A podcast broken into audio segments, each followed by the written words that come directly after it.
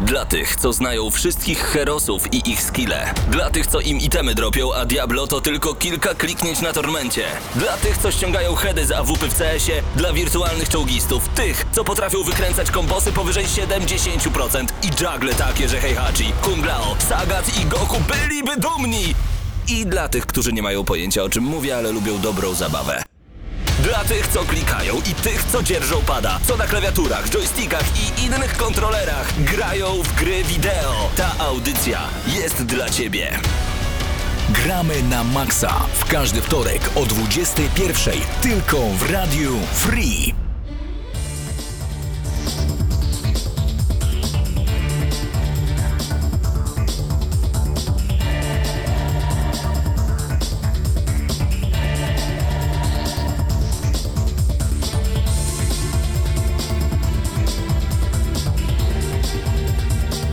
No i minęła godzina 21 w Radiu Free e, i klasycznie e, zaczynamy e, audycję Gramy na Maxa i w dzisiejszym odcinku razem ze mną jest oczywiście Krzysztof Lenarczyk, przed mikrofonem Mateusz Widut, tutaj z nami jeszcze Patryk Ciesielka, Paweł Stachyra, Mateusz Zdanowicz i, i wszyscy tutaj wokół biegają, bo nasz stream nie działa bez, e, bez dźwięku. Ale, ale... chyba wybaczycie nam, jak przez jeden tydzień nie zobaczycie naszych twarzy, no bo też to... No może nie jest to jakaś ogromna strata, wiadomo, czasem fajnie zobaczyć, jak sobie gadamy, ale czasami pewnych problemów technicznych nie da się przeskoczyć. Ale jeszcze będziemy próbować Oczywiście. oczywiście. Jeszcze e, czasu mamy całkiem sporo, dopiero druga minuta godziny 21.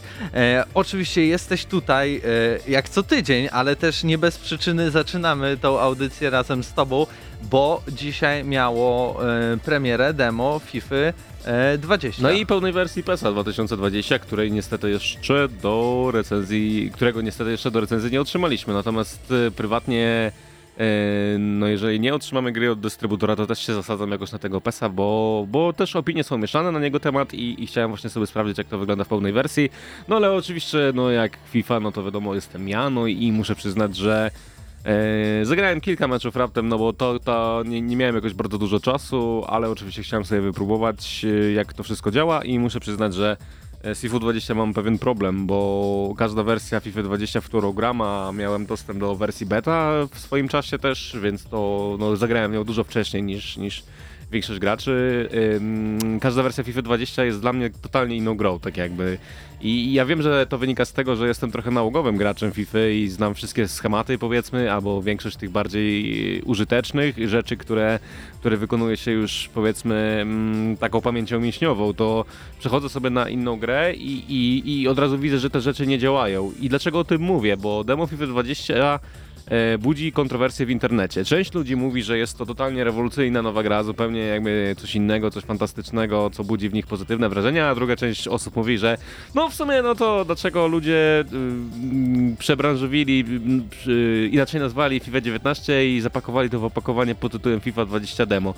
Bo- Też, też widziałem u ciebie e, na, na profilu, znaczy się, ty udzielałeś się pod jakimiś fanpage'ami właśnie a propos dzisiejszego dema e, FIFA i widziałem tam właśnie dużo takich komentarzy, że e, to jest FIFA 19, ja nie rozumiem, przecież zmienili tylko cyferkę i tak dalej, ale z czego to wiem i w, w tym demie jest nowy tryb Volta, tak. Tak. do wypróbowania, więc no już jest jakaś nowość, prawda?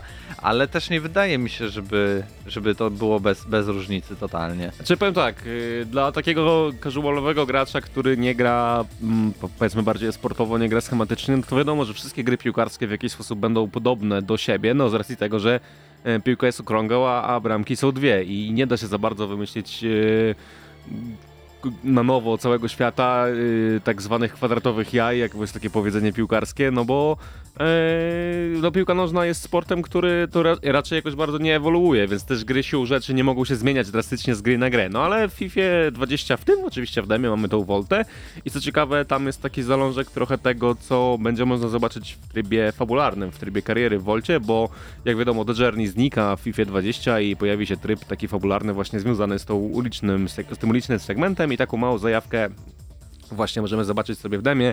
Tam też pojawiają się postacie, które mają udział w tym trybie fabularnym, no i między, między innymi ambasador tego trybu gry, czyli Vinicius Junior No nie może, może nie gwiazda Realu Madryt, ale taka osoba, z którą Real wiąże duże nadzieje i też taka osoba znana z tego, że lubi sobie tak, tak po prostu przytrikować w trakcie meczu, e, grać bardzo e, ekspresyjnie, e, więc e, no siłą rzeczy został ambasadorem tego trybu, no i to jest w ogóle taka rzecz, która sprawia największą frajdę, myślę, w FIFA 20 i nie mówię tutaj już tylko o demie, ale także o O tych innych wersjach, w które grałem, Volta to jest coś, co, co sprawiało mi dużą przyjemność. Jest to bardziej taki luźny tryb, tryb do spotkania w w graniu ze znajomymi i zarówno jakby yy, takie same odczucie miałem wcześniej, jak i teraz i, i dalej mi się to jakoś tam podoba, chociaż jest wiele elementów, które mi przeszkadzają.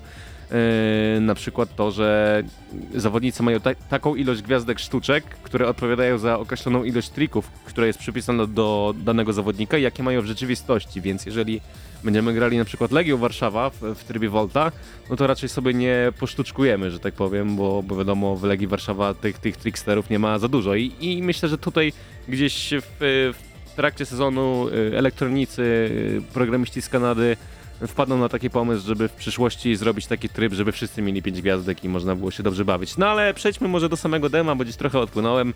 No, yy, jest dużo wolniejsza, przede wszystkim rozgrywka od FIFA 19, co jest zauważalne. Ale na przykład niektóre schematy, które mnie osobiście bardzo denerwowały w FIFA 19, czyli przede wszystkim e, bardzo mocne strzały z pierwszej piłki, zbyt takie aż nierealis- nierealistyczne do pewnego stopnia, nie zostały jakoś bardzo znerfione w e, popularnym języku, czyli nie zostały naprawione, nie zostały, mm, ich skuteczność nie została zmniejszona, bo dalej strzał z pierwszej piłki to jest coś, co w, w demie no jest y, bardzo popularnym y, środkiem dla zdobycia gola, ale warto zauważyć, że przede wszystkim dla e, zawodników, którzy są lepsi. No tymi gorszymi już nie strzela się tak fajnie, więc no może, może to troszeczkę zostało bardziej nastawione na umiejętności niż, niż realnie mm, sa, sam OP schemat, czyli sam taki za, za mocny, zbyt mocny do opanowania. No i tak naprawdę poza zwolnieniem samej rozgrywki można przede wszystkim zauważyć, że są zmiany w poruszaniu się bramkarzem, są kompletnie nowe rzuty wolne i rzuty karne. Em, tak zwane precyzyjne wykończenie również zostało zmniejszone i, i teraz, żeby trafić w tak zwane zielone, e, które trochę zwiększa celność naszego strzału, trzeba się naprawdę, naprawdę napocić, więc myślę, że dla profesjonalnych graczy to będzie coś fajnego. Demo bardzo przyjemne, zaskakująco przyjemne i nie chcę tutaj pompować balonika, Yy, ale wydaje mi się, że to będzie naprawdę jedna z lepszych FIFA z ostatnich lat. Być może dlatego, że po prostu ta generacja realnie się już kończy i, i to jest taki szczyt możliwości rozwoju tego, co mogą nam zaprezentować elektronicy na silników rozwój. A jeszcze mam takie do ciebie trochę nietypowe pytanie, bo mówiłeś, że grałeś w tą e, zamkniętą betę. Nie wiem na ile możesz rozmawiać No o tym, co właśnie tam nie, widziałeś. nie za bardzo mogę rozmawiać z racji tego, że po prostu y, była określonym bardzo mocnym embargo, Mhm. które nie pozwalało w ogóle dyskutować na, na jego temat. Chociaż myślę, że teraz, skoro już Mi był chodzi tylko po event, prostu o, o, o różnicę między właśnie ty, tą betą a, a demem. Czy demo jest, bo często też tak bywało, że to demo, które w końcu trafiało na te kilka tygodni przed premierą i tak było jakby bardzo cofnięte względem tego, jak te prace nad grą już e, trwały teraz, prawda? Powiem ci tak, y, dużo jest w ogóle opinii na ten temat w tym momencie w internecie, w tym wielu proplayerów mówi, że demo, które jest obecnie dostępne jest wersją jeszcze sprzed bety, ale z drugiej strony ono zawiera wiele feature'ów, których beta nie zawierała. Na przykład y, w, gdy gramy w trybie Volta, e, w, to w becie było tak, że gdy mieliśmy swoich zawodników pokazanych, to że oni są nasi, to mogliśmy ich albo rozpoznać po ubiorze, a gdy mieliśmy piłkę, mieliśmy tylko tak zwane piórko, czyli to taki znacznik, który pokazywał, że to jest piłkarz, którym sterujemy. A teraz e, w Wolcie każdy zawodnik z naszej drużyny ma takie e, biało-czerwone, to takie trochę polskie kółeczko e, wokół jakby swoich nóg. I od razu widać, jacy, ja- e, którzy zawodnicy są nasi, a którzy nie. Więc tak naprawdę ciężko mi ocenić. Rozgrywka trochę się różni od bety.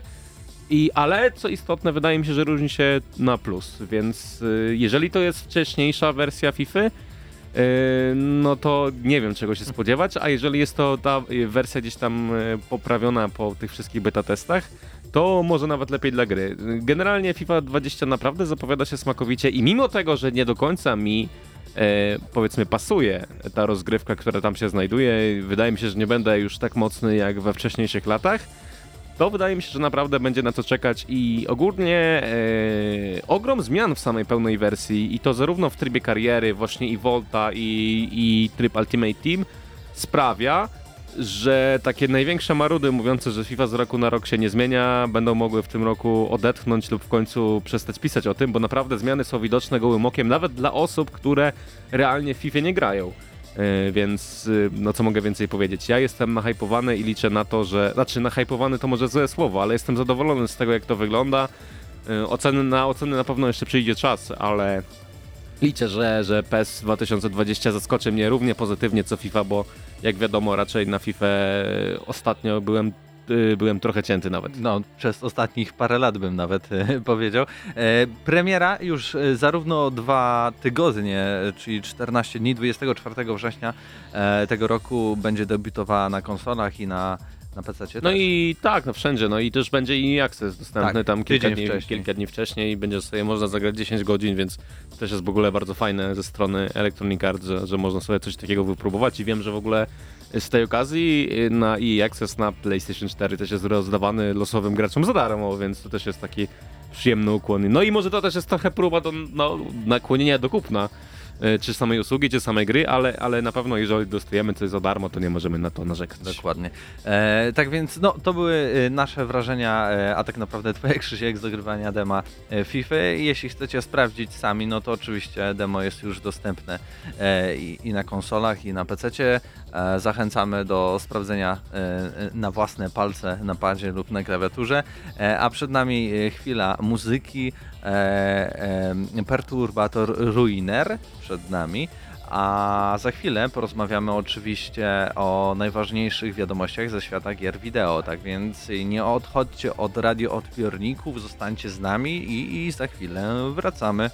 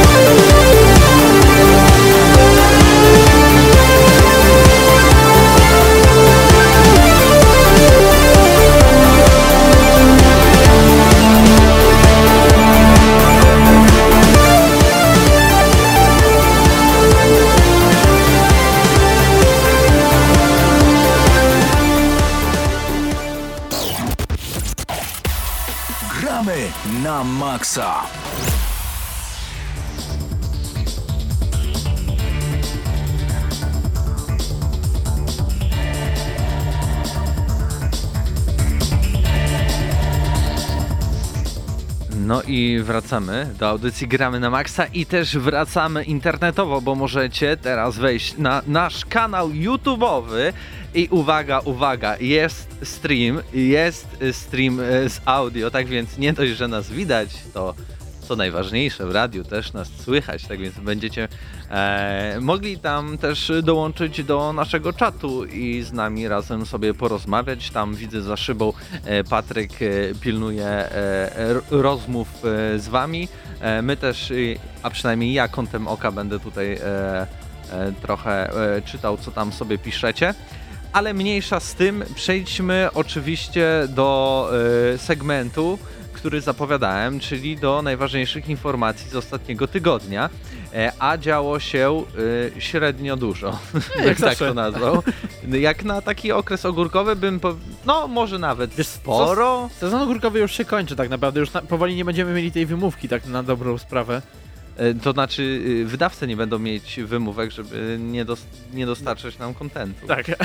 Dzisiaj zrobimy trochę inaczej tego newsshota, bo po prostu znaleźliśmy sobie takie jakby na wierzchu leżące jakieś e, informacje i trochę, troszeczkę o nich podyskutujemy. To tak trochę w takiej formie jak Kino Weterze robi swoje newsy. Taka słynna audycja O, o, zobaczymy, czy ta audycja faktycznie mm, w sposób jakiś ciekawy to prezentuje. Jeśli. A podobno ty tam e, sobie pracujesz, więc e, to tak jakbyś wprowadził kino w eterze razem z grami. Nie kojarzę.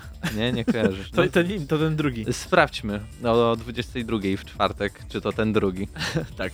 E, a jeżeli chodzi o newsy, niesamowitości, e, wiemy, że Xbox Scarlet ma mieć dedykowane rdzenie dla ray traci- tracingu, co oznacza, że będziemy mieli taką grafikę, jakbyśmy kupili sobie RTX 2080 Ti albo Titana. Ten nowy Xbox, tak? Scarlet. Tak, ten Scarlet. Okej. Wiesz, Eee, No, Znaczy, to oznacza- co to Mateusz oznacza Zdanowicz dla- w no. studiu, bo się oczywiście nie przedstawiliście. Mateusz wieczór. Zdanowicz, tutaj Paweł Stachyra. No i, i kontynuujmy. Chodzi o to, że to, bo to możliwe, bo ty mi uświadomiłeś przed audycją, że starsze karty Nvidia, te ty- 1000 coś tam, też miały technologię, która tam mog, mogła w teorii wspierać RTX-a, więc to nie jest jakaś tam kosmiczna technologia, na którą musimy wydać 4000 zł czy 5, żeby mieć to na karcie graficznej, więc że to się znajdzie w Xboxie, a myślę pewnie w PS, PS5 też, to nie jest jako, jakoś tam zaskakujące, tego nie będzie tak wykorzystane jak na karcie no nie. 2080 Super, nie? Raczej, raczej kupując nowego Xboxa nie ma co się nastawiać na granie z ray tracingiem, przynajmniej w tym, tym samym stopniu co na PC. Może będzie jakiś specjalny tryb tego ray tracingu robiony dla gier konsolowych, ale biorąc pod uwagę, że nawet te 80, e, 2080 potrafią się krztusić, kiedy, kiedy RTX się włączy w niektórych grach, to W Minecrafcie nie, no. się nie krztusiła. w Minecrafcie nie. I dlatego to jest najbardziej wyczekiwany RTX-owy tytuł dla mnie. No świetnie wygląda, więc... E, natomiast Słusznie. jeżeli chodzi o rzeczy, na które nie czekam, no to mamy Google Okej. Stadia. Aha. E, Google Stadia, która nie będzie miała możliwości wcześniejszego jej przetestowania. Nie będzie żadnego dema, nie będzie żadnych e, wczesnych dostępów. E, technologia po prostu wyjdzie. Oni mają inne rzeczy, którymi muszą się Google już samo nie wierzy w to, zajmować. moim zdaniem. To jest dziwne. fal start jednak. To jest fal start i to jest też, tak jak mówiłem, na plusie trochę dziwna technologia, bo mimo wszystko em, to nie jest sam abonament, to nie jest tak, że sobie jakby mamy stadię i płacimy abonament, mamy gry. Tam będzie tylko troszkę gier w abonamencie za darmo e, i to będą w jakości tam najgorszej możliwej, 720p maksimum i tak dalej. Natomiast jeżeli chcemy zagrać w lepszej jakości w jakieś e, większe gry, to musimy je po prostu kupić to za pełne ceny tych gier. Więc to jest takie, no to nie zdobędzie rynku, nie? Tak jakby to było wszystko w abonamencie, tak jak Game Pass, że masz abonament i masz wszystkie gry. To brzmiało trochę zbyt ładnie, nie? W pewnym momencie, bo to było tak, że jak ogłosili Sta- Stadia i rozmawialiśmy o tym chyba na plusie właśnie w tym No gronie, nie to... było szczegółów na temat ceny właśnie. Tak, najpierw nie tego, co wierzyliśmy, najpierw mocno w to nie wierzyliśmy, bo wydawało nam się, że e, nikt nie zrobi teraz niczego na streamingu, potem były więcej szczegółów o Stadia i sobie myślimy, hej, to może? Ale teraz im więcej się dowiadujemy tak dalej, tym, tym bardziej to się wydaje takie, no, przyziemniejsze, bardziej się mogliśmy spodziewać tego. Ale to też takie trochę dziwne podejście, bo zazwyczaj jak mamy te abonamenty i to różne, od tych y, growych jak i e, właśnie Game Pass, jak i poprzez te filmowe, te HBO, Netflix i tak dalej, to zazwyczaj jest na przykład pierwszy miesiąc za darmo. Zresztą Uplay teraz wychodzi, też jest pierwszy miesiąc za darmo. E, y, przed chwilą była konferencja Apple'a, też było, że pierwszy miesiąc za darmo, tak więc każdy daje ten jakiś czas, czy to dwa tygodnie, czy to miesiąc, Żeby ale daje, żeby, żeby sprawdzić w ogóle Coś i zachęcić może człowieka. będzie. Ale oni właśnie nie mówią będzie, nie, na premierę nic takiego nie będzie, nie będziemy dać, dawać y, darmowe klucze nawet dla prasy do testowania i tak dalej, dopiero wszystko po premierze. A, no Ciekawe czemu. to, czyżby, czyżby ciągle nie no bo to jest się tak, laga? że oni nie mogą, Google nie może kontrolować w jakich, w jakich warunkach im to przetestują media, nie? To też pewnie się boją, że jakiś tam dziennikarz będzie mieć No bardzo tak, słabe połączenie i napisze, że jest e, usługa do kitu. To jest inny rodzaj platformy tak naprawdę, bo jednak jak się wysyła konsolę do testów, no to jest to zamknięta konsola i co najwyżej ktoś może mieć kiepski monitor do tego. A no tutaj mamy do czynienia jednak z, z konsolą, która jest oparta na innym sprzęcie, który już masz. E, I owszem, tam są te opowieści, znaczy są te Morskie e, opowieści. Tak, tak, opowieści o tym, że e, Stadia nawet na jakimś twoim starym, zardzewiałym, gnijącym laptopie odpali wszystkie najnowsze gry w 4K i tak dalej. Nie, w- wiecie o co mi chodzi, tak? Jest ten marketingowy tok i jak to się będzie sprawdzało jednak gdzieś tam w, w, w praktyce, to też może być inaczej i wydaje mi się, że tego chyba się No my na pewno tutaj- przetestujemy darmową wersję. Kiedy się pojawi? Kiedy się damy pojawi. A jeżeli Ale- chodzi o abona... no. Poczekaj, właśnie, bo. y, a, masz abonamentowe. Dobra, to jeszcze o tym porozmawiajmy, a za chwilę. Y, Tak, muszą, ważne, ważne dla tej formuły są przejścia pomiędzy Mhm. tematami. E, teraz przejdziemy... Ale to znaczy, tak nie ale działa. nie, stop, prze- To stop. tak nie działa, jak ja nie Stop. widzę tytułu, wiesz, to Stop, nie możemy... stop. Nie, to, to zadziała, bo właśnie chciałem powiedzieć, że może zajmijmy się tematami, które poruszyliśmy na GNM Plus i zachęcamy Was bardzo serdecznie. Jutro na YouTubie pojawi się odcinek na Spotify'u, na iTunesie, na Anchorze, tak więc y, możecie wejść, komentować. Zawsze mamy pytanie odcinka, więc można się tam rozwinąć. My te pytania e, czytamy mm, w, ko- w światu, kolejnym, całemu światu w kolejnym odcinku podcastu, tak więc e, tam zawsze poruszamy właśnie takie trzy najważniejsze tematy e, minionego tygodnia. No i nie możemy też i tu ich e, pominąć, a właśnie odpaliłeś nasz pierwszy temat GN Plusowy, bo tam rozmawialiśmy o Apple Arcade, czyli nowej subskrypcji na gry wideo, które, e, która to subskrypcja oczywiście będzie dla wszystkich urządzeń Apple'a i za cenę około 5 dolarów, czyli w przeliczeniu na złotówki to od 15 do 20 zł, będziemy mieć dostęp na start e, do ponad 100 tytułów, e, w tym e, te gry robią takie tacy wydawcy, tacy, takie studia jak Square Enix, Devolver, e, Konami, Capcom, Ubisoft e, i też dużo innych takich bardziej indykowych e, studiów. I na start będzie dostępny tam ponad 100 gier, tak na dobrą Tak. sprawę, więc y, to jest, to wydaje się bardzo fajną opcją, ale mimo wszystko trzeba pamiętać, że to są wszystko gry, które też pójdą na tym iPhone'ie. To nie jest, to nie jest tak, że y, macie tego y, MacBooka, tak? MacBooka. No, mamy Czy inne MacBooka, tam jakieś iPady. niesamowitości i, i, i na tym pójdzie wam, że to będą jakieś gry, które są pod ten sprzęt robione. To raczej jest taki, powiedziałbym, abonament, jakby Google wypuściło abonament Google Play'a, e, gdzie oni wybierają, na przykład robią selekcję z tego śmietnika, który u nich tam jest i, i dają ci na przykład ten, e, ten zestaw sublimowane 100 słownictwo. dobrych tak. gier, tak? Android, śmietnik, Apple, jakieś No bo jednak gierki. Apple, mam wrażenie, że na tym e, App Store jest trochę więcej Ja bym to porównał porządku. raczej do Microsoftu, prawda? Mają Game Passa i w ramach swojej rodziny, czyli Xbox i Windows, że- masz gry, które Tylko, że. Apple, no, no tak, tylko Apple tutaj bardziej e, to jest No jak był, dla tego ale- sklepu, nie? Dla Czekaj, tych rzeczy, czekaj. które są Jak u był nich na zamkniętej. Windows nie zrezygnował z Windows Phone'a, to kto wie, może tam też by się pojawiały takie rzeczy. To w następnym odcinku, co by było gdyby. E, No. A tym, no. No, ko- kolejny tytuł, kolejny news. Kolejny news, e, tutaj e, pod, podrzucił nam e, naczelny fan gier sportowych e, w naszej e, e, redakcji, czyli Krzysio. FIFA, Bo a propos, N- a propos, nie, nie FIFA, NBA. nie, a propos abon abonamentu Apple, który będzie kosztować tylko e, 5 dolarów, to o wiele więcej wydamy w NBA e, 2K20. O, to było piękne przejście. E, bo mamy tutaj ogromny rozłam w ocenach pomiędzy tym, jak go oceniają krytycy, a jak oceniają gracze. Czyli to jedna z tych w sumie częstych sytuacji ostatnio, gdzie gdzieś tam na Meta- Metacriticu czy gdziekolwiek gra jest super oceniana, dziewiątki, dziesiątki, cokolwiek. A graczom się nie podoba, bo podobno tym razem mamy tam naprawdę ostrą przesadę, jeżeli chodzi o, o e, wyciąganie z nas bezpośrednio kasy. Mamy e, bezpośrednie odwołania do zabaw hazardowych, mamy jednorękiego bandytę. Tak. I, no, Ciekawe, czy to w Polsce będzie ta gra o dostępna, ile bo to będzie, jest bo można? interesujące. Można nie można, nie? w końcu robić, Nie czy nie? można. Bo GTA, jak GTA zatrzymali, to i y, NBA, ale z drugiej strony ko- kogo obchodzi, w sensie najmniej chyba EA obchodzi sprzedaż NBA w, w Polsce. Nikt tego nie Okej. kupuje w Polsce. Okej. 2K. A, to jest, o no tak, dobra, dobra, to jest 2K. Ale mieszasz dzisiaj, NBA Paweł. Live było od EA i oni już To, tego nie to robią. nie jest FIFA, Ale to nie wydaje Electronic Arts, to jest NBA 2K20 i to wydaje nie, nie, 2K. nie pomyl potem Man of Medan z Madenem. Też, Okej, to okej. Możecie się pomylić. A Ale Medan robi już EA, nie? Nie, nie, dobra, cicho, cicho. Pa, a propos, tej rozbież, a propos rozbieżności ocen, e, tak jest zawsze z, z tą serią NBA 2K zauważyłem, bo jakby koszykówka nie jest zbyt popularna, e, w sensie e, ta komputerowa, e, Może konsolowa. Może. I w każdym razie chodzi mi o to, że często em, recenzują ją dziennikarze, którzy jakby nie, nie jarają się tematem za bardzo, albo tylko trochę oglądają NBA w telewizji i chcą sobie po, pograć po prostu w mecze, kariery i tak dalej. I tak samo zresztą jest z FIFA.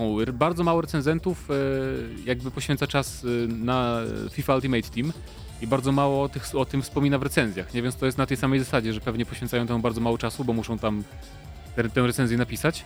Em, I druga jest taka sprawa, że ja nie, nie, wiem, czy, nie wiem, czy się zgodzicie ze mną, ale czy dziennikarzowi by wypadało wystawić na przykład 1 na 10, mm, bo, bo gameplay w tym 2K, w, tym NBA-u, z tego co czytałem, jest raczej bardzo dobry. Jest jakby, nie? Tak? Krzysiek mi pokazuje, że tak średnio.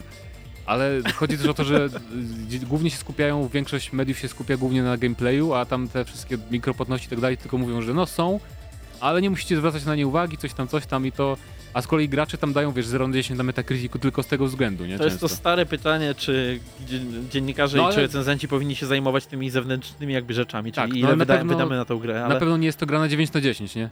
No, no nie, szczególnie jeżeli Mogę ma... się odnieść? Jednym No, słowem? Proszę bardzo. Bo e, moim zdaniem, generalnie, jeżeli ten tryb jest trybem, który gracze grają najczęściej, jeżeli chodzi o daną grę, czyli na przykład w przypadku FIFA e, i trybu Ultimate Team, to moim zdaniem recenzenci powinni poświęcić temu uwagę i szczególnie temu, co się tam dzieje, bo e, no tak naprawdę skoro większość osób gra w ten tryb i ten tryb przynosi najwięcej dochodów dla danej firmy, to jest on kluczowe dla gry, więc dlaczego w ogóle go nie oceniać? No ja rozumiem, że ktoś się na tym nie zna, czy nie ma czasu w to grać, czy czasu tego poznać, ale moim zdaniem właśnie y, tym się recenzenci powinni zająć, no bo no skoro no tam na, y, czepiamy się EA, czepiamy się lootboxów, czepiamy się hazardów w grach, ale to co się dzieje teraz y, w grze od 2K to jest dla mnie jawny hazard. No oczywiście ubrany w, w tryb ten y, Mike, Mike, My Coins. Mike Coins, tak? Nie, nie pamiętam. Nie wiem jak to się nazywa, bo ja nie jestem w ogóle koszykowy, że tak powiem, rzadko bardzo gram, i, i, ale kie- kiedyś tam grałem. E, No ale to, co e, tam się dzieje, to jest jawny, jawny hazard i moim zdaniem, no, śmiało można oceniać bardzo nisko tę grę właśnie przez pryzmat tego, a z tego co wiem, e, a propos gameplayu, to e, gracze raczej oceniają tak, że niewiele różni się od 19, czyli to jest trochę kazus FIFA, tak, że, że Mhm. trochę ciężko, jak, jak powiedziałem wcześniej, e, wymyślić e, koło na nowo, bo no, koszykówka też nie jest jakimś sportem, który się 19 dynamicznie pamiętam- rozwija. Ja w 19 grałem e, troszeczkę i akurat gameplay mi się tam bardzo podobał. W sensie to zawsze mi się podobało też bardziej niż to NBA Live, które robiło jej. Ale w każdym razie pieniądze e, w NBA 2K20 rozejdą, rozpłyną wam się w powietrzu, można powiedzieć w chmurze. Tak, Tak jak mogą jak- wam się rozejść w najnowszej grze CD Projektu. Tak, nie, nie o Wracając tym do- mówiłem, ale też Tak, trafiłeś. Wiem, E, ale e, dowiedzieliśmy się już oficjalnie, że będzie w Cyberpunku 2077 tryb multiplayer. Pracuje nad nim jakaś oddzielna ekipa i co ciekawe, ten tryb ma wyjść już po premierze, no bo tak naprawdę nie wiedzieliśmy, czy ten tryb w końcu tam będzie, czy nie, bo słyszeliśmy o nim, wspominany on był, ale to nigdy nie było takie jakby... To nigdy nie było to, na czym się skupiali e, twórcy opowiadając o samej grze. No teraz już wiemy, że on się pojawi właśnie po premierze, troszeczkę później, żeby nie opóźniać jakby premiery samego głównego tytułu. I tak się zastanawiamy w sumie, e, dłużej o tym porozmawialiśmy na plusie właśnie, e, jak ma wyglądać taki tryb multiplayerowy właśnie dla Cyberpunka, no bo to jest RPG, ale z drugiej strony ta gra jednak ma taki, znaczy wygląda mi na taką, którą można by próbować zrobić właśnie w stronę GTA Online na przykład. I teraz pytanie, gdzie pójdą i ile na to wydamy pieniędzy. Nie wiem. Zobaczymy, no. Nie wiem, nie moim wiem. zdaniem, moim nie zdaniem to ja, ja, ja, do, ja do dziś nie widzę w Cyberpunku GTA ani krzty. Nie, nie, nie, no to wiadomo, Więc to już jakby przy tym, mi to się trochę to nie... za Ale sobą, może jak ale- zrobią, już to zobaczę, no. I ten silnik też nie ma potencjału takiego, żeby zrobić tak bardzo otwarty świat i w, w, wrzucić tam tylu graczy. I ja myślałem na przykład właśnie, żeby zrobić tak jako taki oddzielny dodatek płatny i tu zaznaczam dlaczego płatny, bo mogłaby być to po prostu multiplayer, ale jako kooperacja, czyli stworzenie zupełnie nowej historii, długiej na przykład na dwa- 20 czy 30 godzin, tak jak mieliśmy w Wiedźminach. I to by łączyło jedno z drugim, czyli świetne prowadzenie e, historii i fabuły, co umie e, CD Projekt Red. E, plus to, że y, no macie, jest multi, jest, ale że to jest kop, to tam Nie, moim, Nie, moim nie zdaniem zrobią coś bardziej jednak... klasycznego. Klasyczne. Znaczy nie, nie, bo nie, nie zrobią deathmatchu zwykłego, nie? Właśnie mnie to bardzo ci intryguje, co oni zrobią z tym multiplayerem, bo... Ale- No bo to jest interesujące, nie? Bo nie, nie, nie wiemy tak, no nie mają doświadczenia w multi żadnego, więc tak naprawdę to Owszem. będzie niespodzianka, cokolwiek nie zrobią chyba. Ale oni się lubią właśnie czepiać rzeczy, których wcześniej nie robili, ale też czasami nie do końca mierzą swoje siły na Battle zamiary, jeżeli Royale. chodzi o pewne... E, o, matko, Battle Royale, ale też myślę, że się mylisz, jeżeli chodzi o silnik, bo to nie jest nawet tak bardzo kwestia silnika. Pamiętaj, że Gamebryo, czyli silnik, na którym były był Fallout, Fallout 3 czy Morrowind, albo Oblivion już dopiero, nie jestem jeszcze tak, nie jestem pewien, ale generalnie na tym silniku powstaje dużo MMO, które działają sprawnie, a jego ulepszona wersja, czyli Creation Engine, zawiodł, zawiodła przy Falloutie 76, więc to jest dużo bardziej kwestia, wiesz, netkodu, tego jak, jak do tego podejdą, jak są doświadczeni w tym, a ich stać na to, żeby zatrudnić ludzi, którzy mają doświadczenie z No to multiplayerowymi grami. Na pewno. E, Więc no jeszcze zobaczymy. E, Natomiast e, tak jak to będzie takie e, nietypowe dla CD Projektu, żeby pójść w ten multiplayer, bo jeszcze tego nie robili, tak samo PlayStation jeszcze nie wydawało dwóch różnych konsol e, w jednej generacji, jeżeli chodzi o te takie główne konsole. Oni jeszcze... Bo, No, wydawali no PS3 było i Vita. Pro, ale no wiesz, no właśnie, to tylko inna wersja. A Vita to jest bardziej już przenośna konsolka. Natomiast teraz y, podobno mają też, chcą pójść powoli w tym kierunku co Xbox, czyli e, konsola w chmurze jako alternatywa dla głównej. I dlatego z nimi współpracują na tym Przynajmniej polu. mają- mają z Microsoftem. Chcę, patencik. chcę wam wszystkim przypomnieć, Ale to nie będzie aż że taka... podjęli współpracę, jeśli chodzi o, o właśnie usługi w chmurze z Microsoftem. No tak, ale to nie będzie aż taka, tak samo w przypadku Xboxa, to nie będzie aż taka jakby mm, różnica, to nie będzie tak, że to będzie zupełnie inna konsola, bo jednak to po prostu będzie pudełeczko, tak jakby jak teraz mamy Xboxa One S tego bez napędu, nie? To będzie coś takiego, tylko po prostu no, no bez napędu.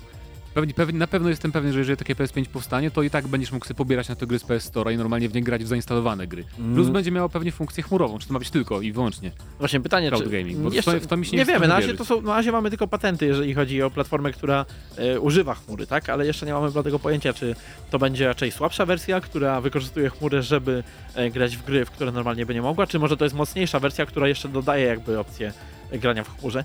Jak już to będzie tańsze pudełko, które Mm. po prostu będzie po to, żeby na abonamencie tylko jechać i tyle.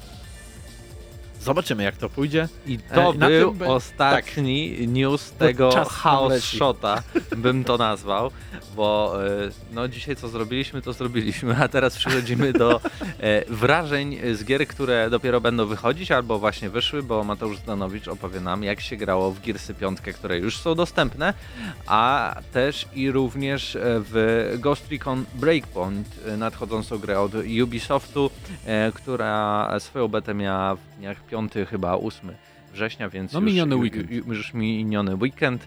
E, tak więc e, zostańcie z nami, chwila muzyki i wracamy do Gramy na Maxa.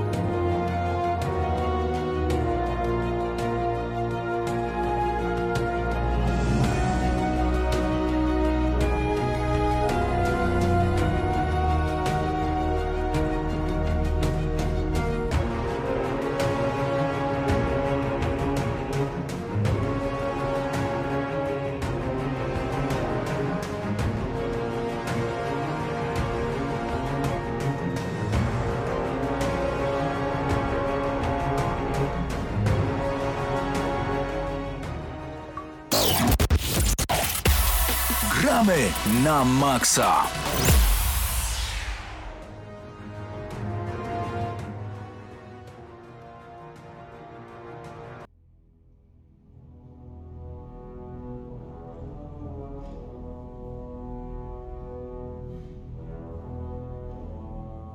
No i wracamy do audycji Gramy na Maxa i do segmentu, e, w co ostatnio graliśmy, wrażenia z gier najnowszych, nowy segment, który właśnie wymyśliłem. E, razem ze mną Mateusz Zdanowicz w studiu. No i zacznijmy może od Gearsów 5, które teraz właśnie w tle nam wybrzmiewają. Prawda cichutko, ale to dobrze, bo nie Ja będę mogę rozpraszać. podgłośnić, proszę. O. Nieważne, nieważne. E, tak, Gearsy 5 skończyłem. E, nie wiem ile godzin mi zajęło, chyba z około 10 czy 11 godzin ukończenie gry i zrobiłem wszystkie zadania poboczne, jakie były do, do zrobienia. No bo tak, w Gearsach mamy po raz pierwszy w historii zadania poboczne. Mamy dwie lokacje mm, otwarte, duże, które można porównywać do e, tego, co mieliśmy w Gadoworze. To jeziorko z łódeczką, e, to bardzo, bardzo jakby widać, że się twórcy tym inspirowali, bo mamy właśnie takie dwie lokacje, po których mm, poruszamy się też łódką, tylko w polskiej wersji to się nazywa łódź. A tak naprawdę to jest tak jakby skuter śnieżny, bo na płozach, ale jednocześnie- z lotnią podczepioną i dzięki sile wiatru się przemieszczamy po tych mapkach. I właśnie trafiamy do różnych takich parów. Dosłownie na, na każdej takiej otwartej mapie są może jest 5-6 miejsc, w których łącznie wykonujemy dwa poboczne wątki, więc to nie jest tak, że to jest zalane sekretami, jakimiś tam aktywnościami pobocznymi. Co akurat mnie ucieszyło, bo nie miałem takiego wrażenia, że przegapiam dużo.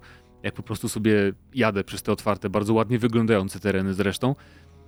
Ale kampania jest naprawdę moim zdaniem najlepszą w cyklu. Tylko, tylko to znaczy, że nie jestem jakimś wielkim fanem Gearsów e, i przyznam szczerze, chociaż to dla niektórych będzie pewnie straszna herezja, że mm, te stare, klasyczne kampanie w Gearsach jakby były dla mnie takie zbyt...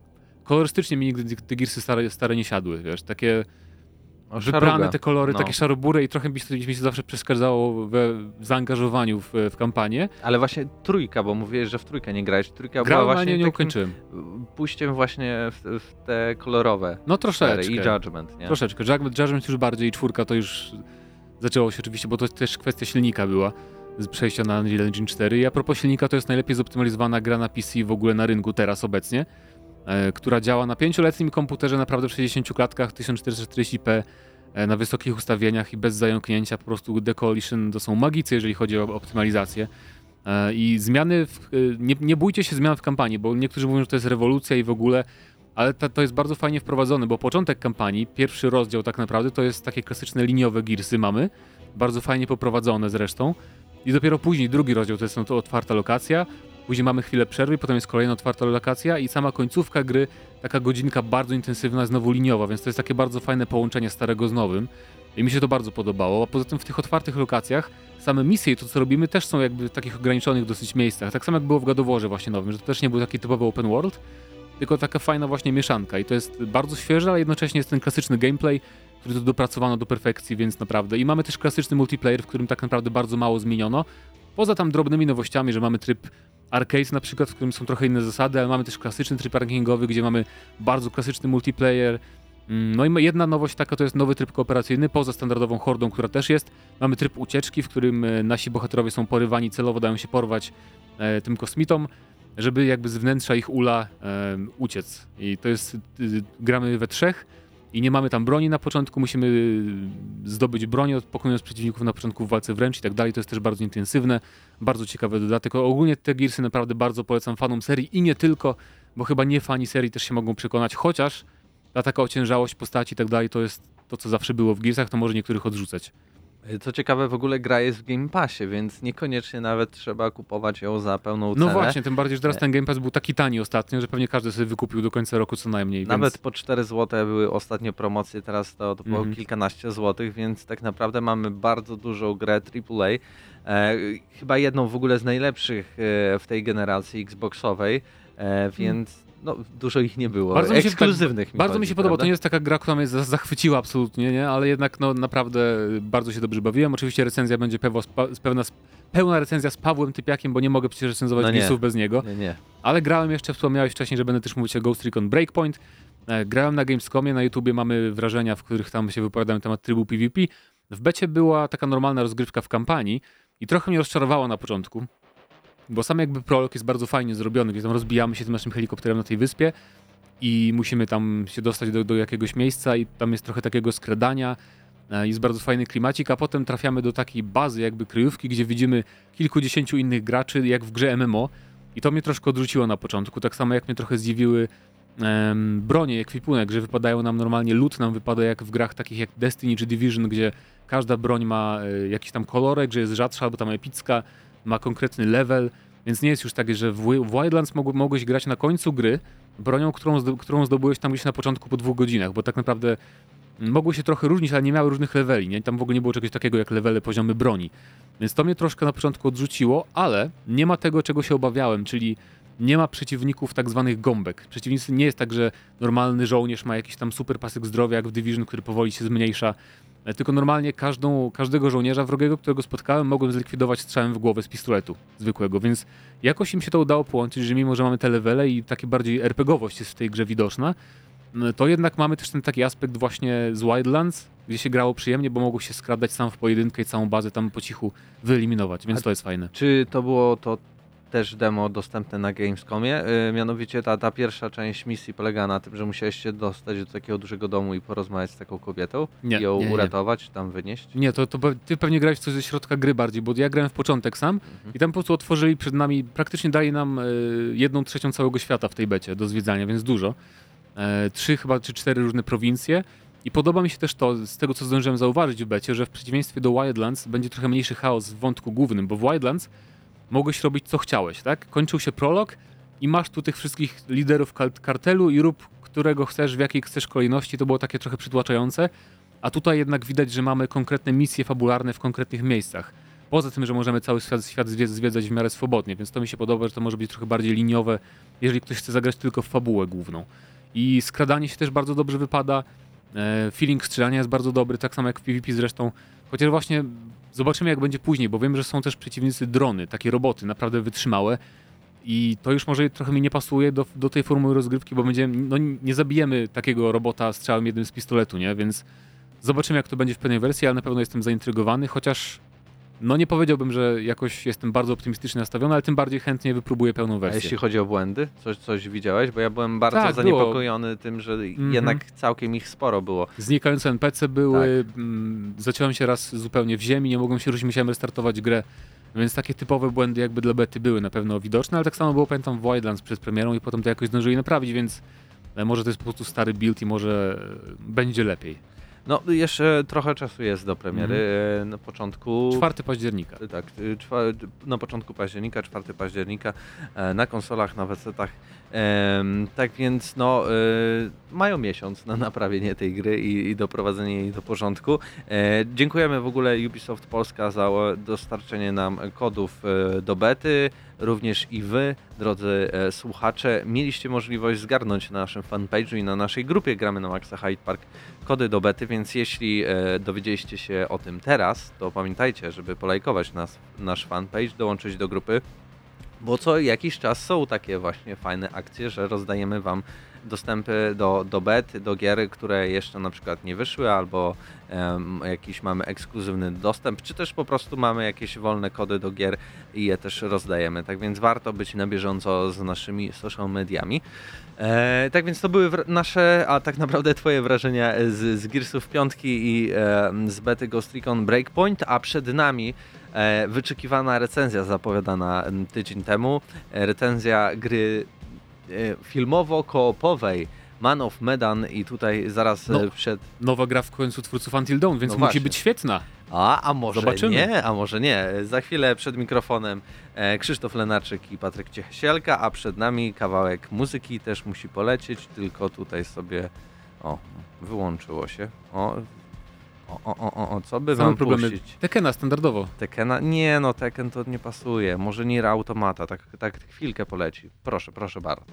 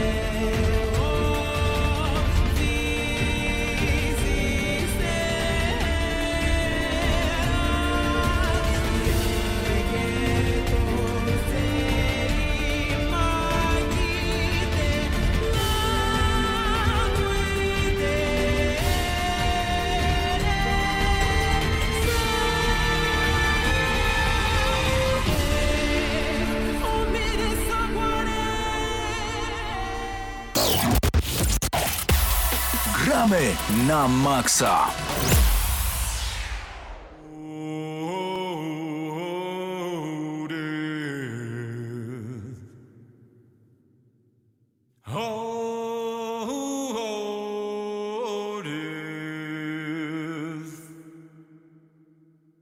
Won't you spare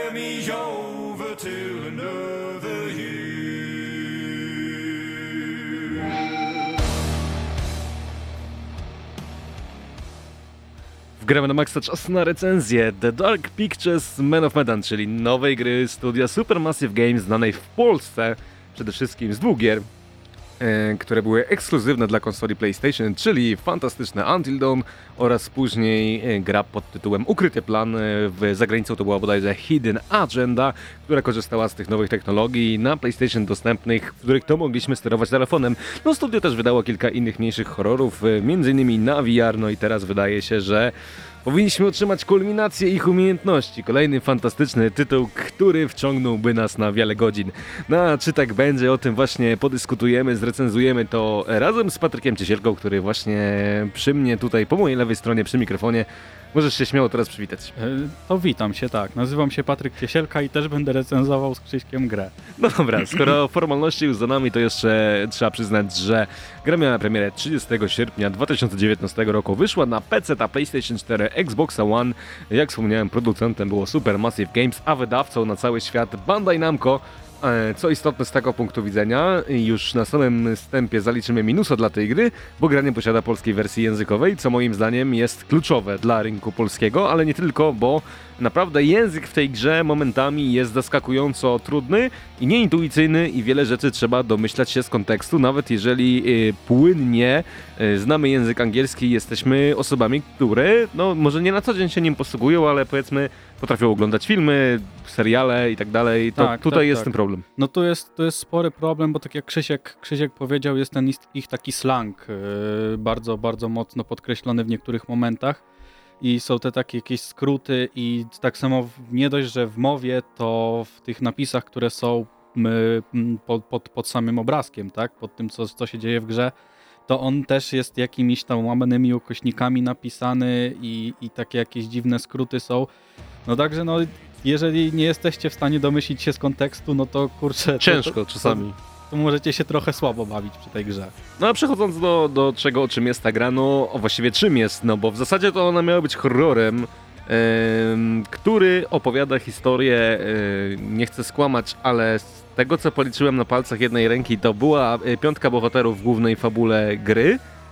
E, I e, kilka postaci pojawia się także w prologu, ale głównie tutaj, e, bo tak, gra posiada prolog, który wprowadza nas do historii pewnego takiego nawiedzonego statku, na którym dzieją się dziwne rzeczy, no i później tak jakby płynnie przechodzimy do grupy naszych awanturniczych bohaterów, którzy to y, trochę pałają się takim płetko, płetwo y, nurkarstwem, nie wiem czy jest takie Tak, słowo, znaczy ale... odkrywają skarby, E, tak? tak, i generalnie w pewnym momencie fabuły mm, odkrywają pewien statek, który leży na dnie i na tym statku znajdują mapę, która ma doprowadzić i e, że- statek, samolot. Samolot, dokładnie. E, tak. znajdują samolot, który leży na dnie, na, na dnie e, znajdują mapę, która prowadzi ich do właśnie do tego nawiedzonego statku, na którym już dzieje się głównie akcja tej gry i przez większość czasu właśnie tam się znajdujemy i ten okres pomiędzy prologiem i, i przejściem na, na tą główną e, to jest około godziny do półtorej, jeżeli się odpowiednio tym Ym, No jeżeli powiedzmy gdzieś tam chcemy to przejść w sposób wolny. No myśmy, ja przechodziłem ten step y, dwa razy, bo przechodziłem go sam, później przechodziłem go z Patrykiem, więc już za drugim razem staraliśmy się przejść to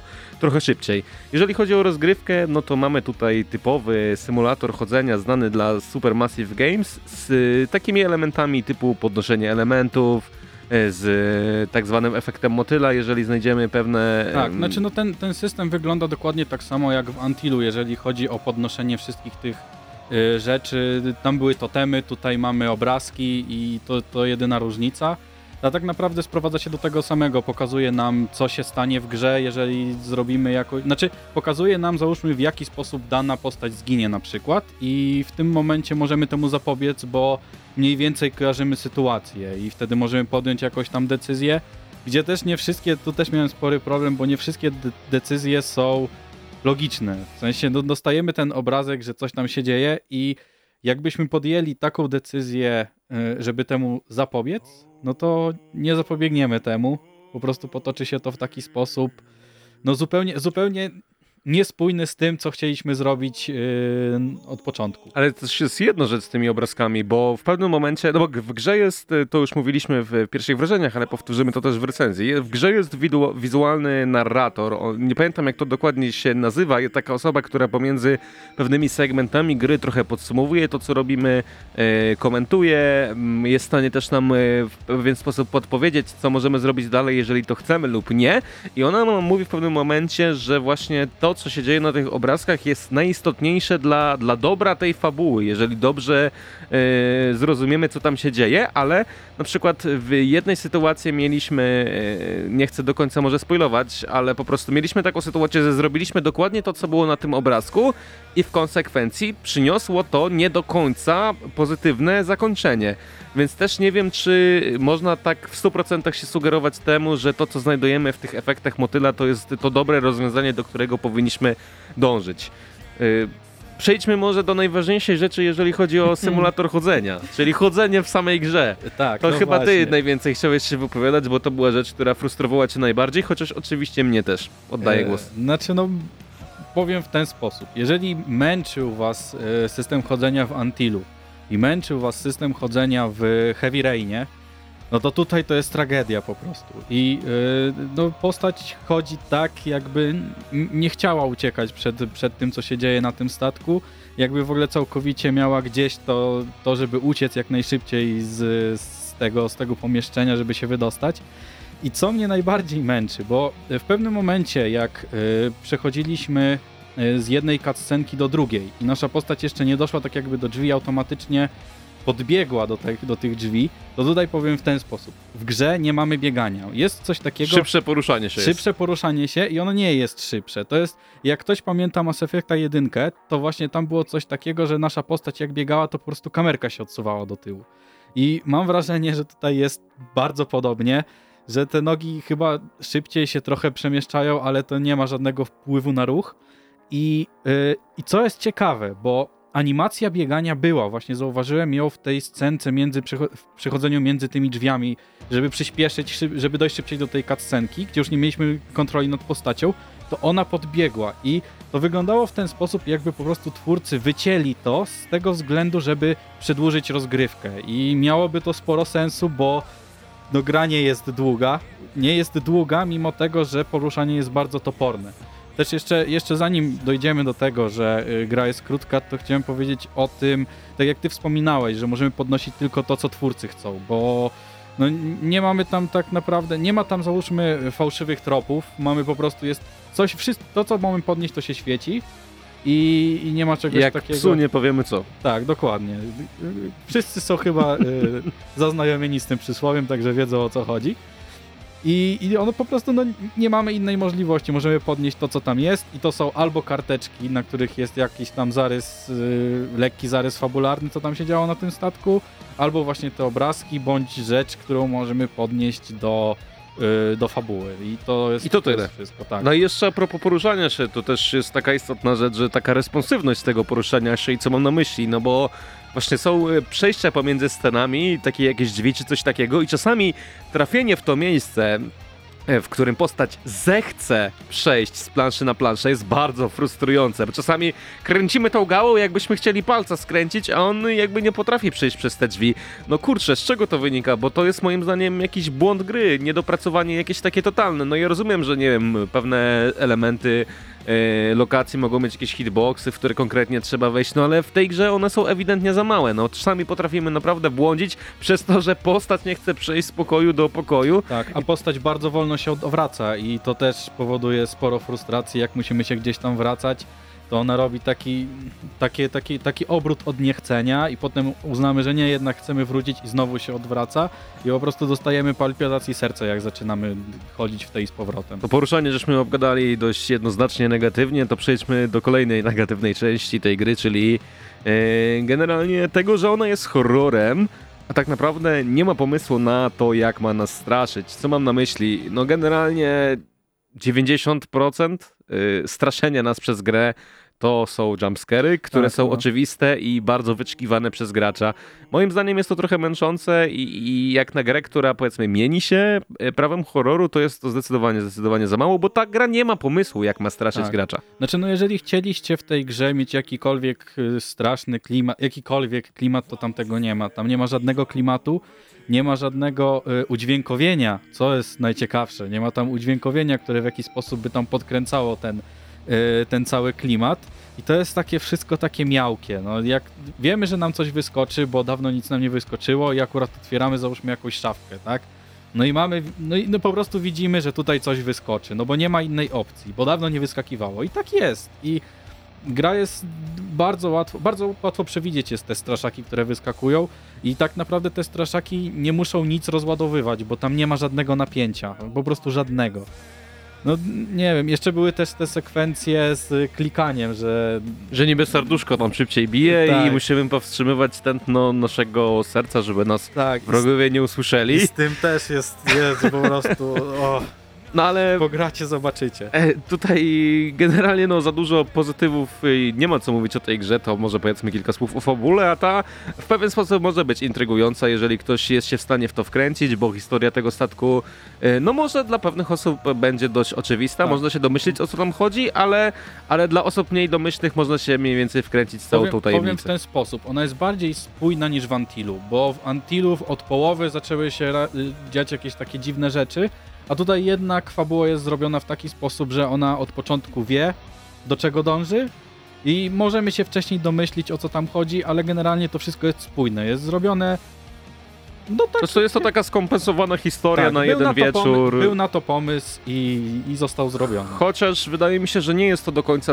zamknięty segment, bo jakby twórcy chcieli, to mogliby równie dobrze tę grę przedłużyć o kilka następnych godzin, jeżeli chodzi o fabułę, bo przede wszystkim mówimy tutaj o wielu różnych zakończeniach, które mają miejsce i naprawdę można by ten wątek pociągnąć jeszcze dużo dużo dalej. No ale y, skoro gdzieś tam y, zahaczyliśmy o pozytywy, to przejdźmy do oprawy audiowizualnej. No sam powiedziałeś, że udźwiękowienia za dużo nie ma w tej grze i muszę się z tym zgodzić, bo no muzyki nie uświadczymy, głównie słyszymy jakieś tuptanie, kapanie wody, coś takiego, ale nie powiem, że jest to jakoś fantastycznie nagrane, czy mm, nie wiem, robiące wrażenie, czy coś takiego, no bo udźwiękowienie to nie jest to, na co zdecydowanie w tej grze zwracamy uwagę. A Zwracamy uwagę na to, jak ona fantastycznie wygląda i y, no moim zdaniem jest to w ogóle jeden z najładniejszych gier, jaka wyszła na, na konsolę obecnej generacji.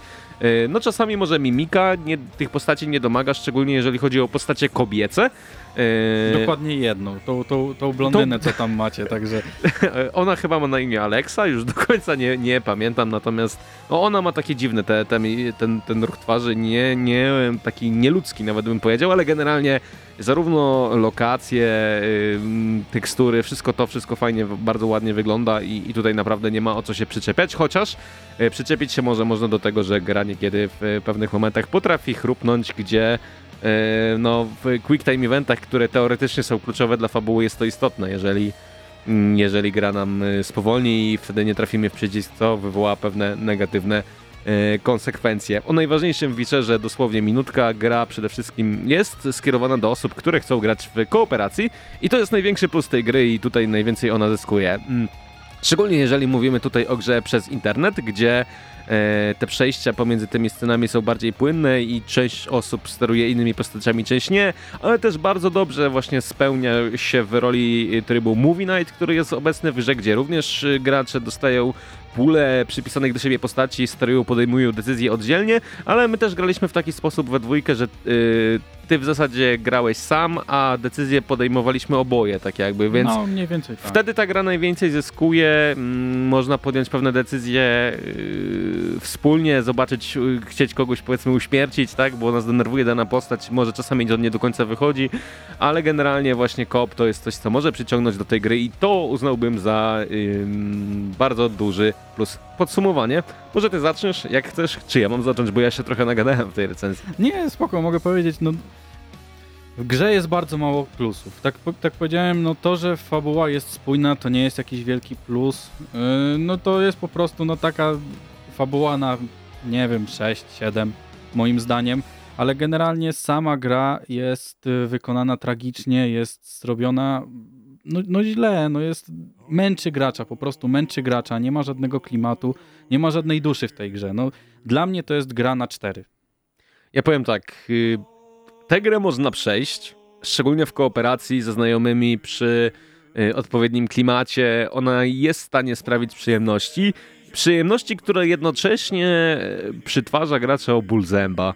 To znaczy, jeżeli lubicie takie lekkie burowanko na fotelu dentystycznym, to możecie sobie w Men of Medan zagrać, bo jednocześnie macie burowane zęby, a z drugiej strony yy, odczuwacie z tego pewną przyjemność, bo ja zdaję sobie sprawę, że ta gra jest, y, jest w stanie y, sprawić komuś przyjemność, właśnie przede wszystkim przez ten kołopowy charakter, taki bardziej imprezowy, przez swoją grafikę, przez no może swój taki horrorowy, lekki klimacik, ale tak, mechanika jest totalnie do niczego. I Supermassive nie wiem, czy się zaplątało w tych wszystkich grach, które robiło, czy, czy nie wiem, no bo nie zostało zmuszone do wydania tej gry. Tak mi się przynajmniej wydaje, bo następna część ma być w 2020 roku, to mają być właśnie takie krótkie historie, ale tutaj wszystko jest tak jakby niedograne, niedopracowane.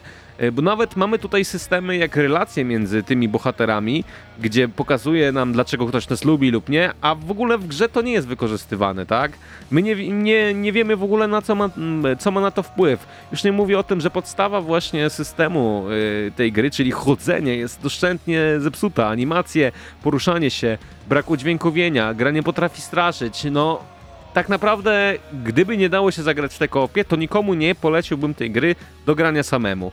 Ewidentnie jest to gra właśnie taka stricte imprezowa i pod tym względem mógłbym tej grze właśnie tą czwórkę z minusikiem wystawić, ale na pewno mm, nie jest to gra, w którą musicie zagrać, nie jest to gra, którą nie wiem, koniecznie trzeba przejść. Jeżeli jesteście bardzo ciekawi, jak wygląda e, The Dark Pictures Men of Medan, to możecie sobie tego spróbować. Jest to interaktywny symulator chodzenia w klimacie horroru, ale tak jak wspomnieliśmy, więcej, zdecydowanie więcej w tym wszystkim jest minusów niż plusów i, i tutaj bardzo ciężko znaleźć jakiś ogromny punkt zaczepny poza tą oprawą wizualną, jeżeli mielibyśmy mówić o jakichś pozytywach. Trochę nam tutaj ym, przykro mówić, bo to jest gra, na którą bardzo czekaliśmy, no ale cóż, y, podsumowując, y, cztery ostatecznie od gramy na Maxa dla y, Dark Pictures Men of Medan, no i dziękujemy wydawcy za dostarczenie kopii do recenzji. Tak jeszcze ode mnie na koniec, y, pograjcie w inną grę.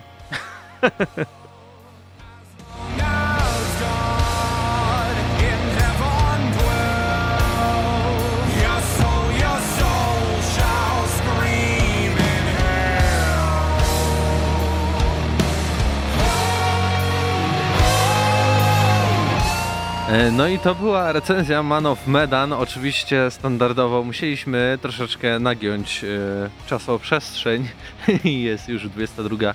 e, 6, tak więc przedłużyliśmy grę na maksa, ale nic nie szkodzi, bo co, o grach zawsze warto mówić. E, Za tydzień prawdopodobnie recenzja Blair Witch, tak więc od klimatów horrorowych, strasznych e, za daleko nie odejdziemy. Możliwe, że już Paweł Typiak wróci, więc może i recenzja Gearsów 5. E, jeszcze, jeszcze to się okaże, tak Patryku? I jeszcze, i jeszcze może hand będzie. O, jeszcze Hunt, no właśnie, bo to też do recenzji do nas trafiło, tak więc możliwe, że znowu trzy, trzy recenzje. Na ten tydzień też była, były zapowiadane, wyszła jedna, więc chociaż aby jedna w przyszłym tygodniu była, będzie, będzie bardzo fajnie. Tak czy inaczej, zapraszamy serdecznie na nasz kanał YouTube'owy, tam codziennie e, nowe materiały, nowe wideo, na naszą grupę facebookową Gramy na Maxa e, Hyde Park i na nasz e, e, profil na Facebooku również e, Gramy na Maxa, tam mm, ciągle możecie być na bieżąco, no i gramy na maxa.pl, tam możecie osłuchać w całości tej audycji, poczytać newsy, publicystykę, całkiem sporo tego jest. Tak więc to było Gramy na Maxa, my słyszymy się w przyszłym tygodniu.